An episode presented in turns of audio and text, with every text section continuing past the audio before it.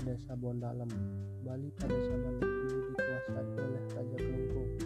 Sebagai penguasa raja, sering mengunjungi daerah Bondalem dan jumlah tentu daerah ini dimakan dan Bondalem.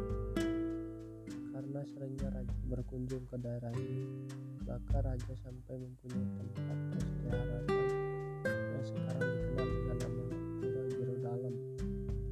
Dilihat dari kata Jero dipercaya jero dalam merupakan tempat tinggal raja yang tetap ditempati oleh bawahan raja karena tempat tinggal raja disebut puri. Kemudian kata buhun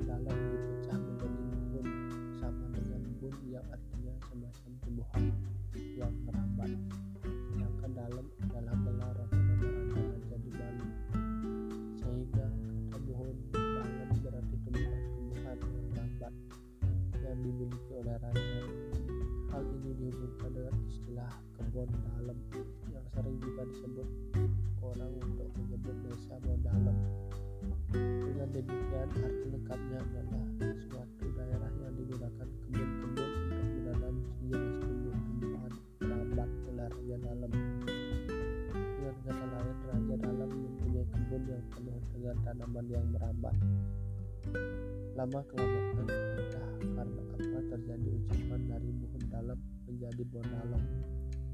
Kami duga perubahan ini adalah alasan praktis saja, sebab pengucapan bon dalam lebih sulit dari mengucapkan bon dalam, sehingga bon dalam menjadi bon dalam.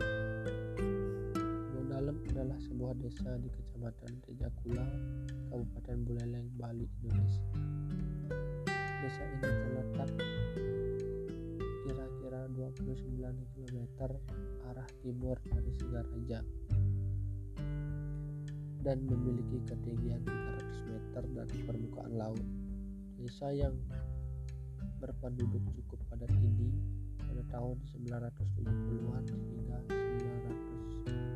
985 terkenal dengan hasil jeruknya yang sangat manis. Namun saat ini sudah tidak ada lagi. Pestisida.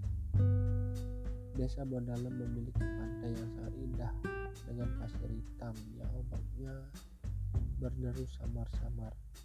Sekarang desa Bondalam dipakai sebagai tempat untuk pembudidayaan terumbu karang karena keadaan lautnya yang masih asri dan belum terkena pencemaran laut sehingga membuat terumbu karang berkembang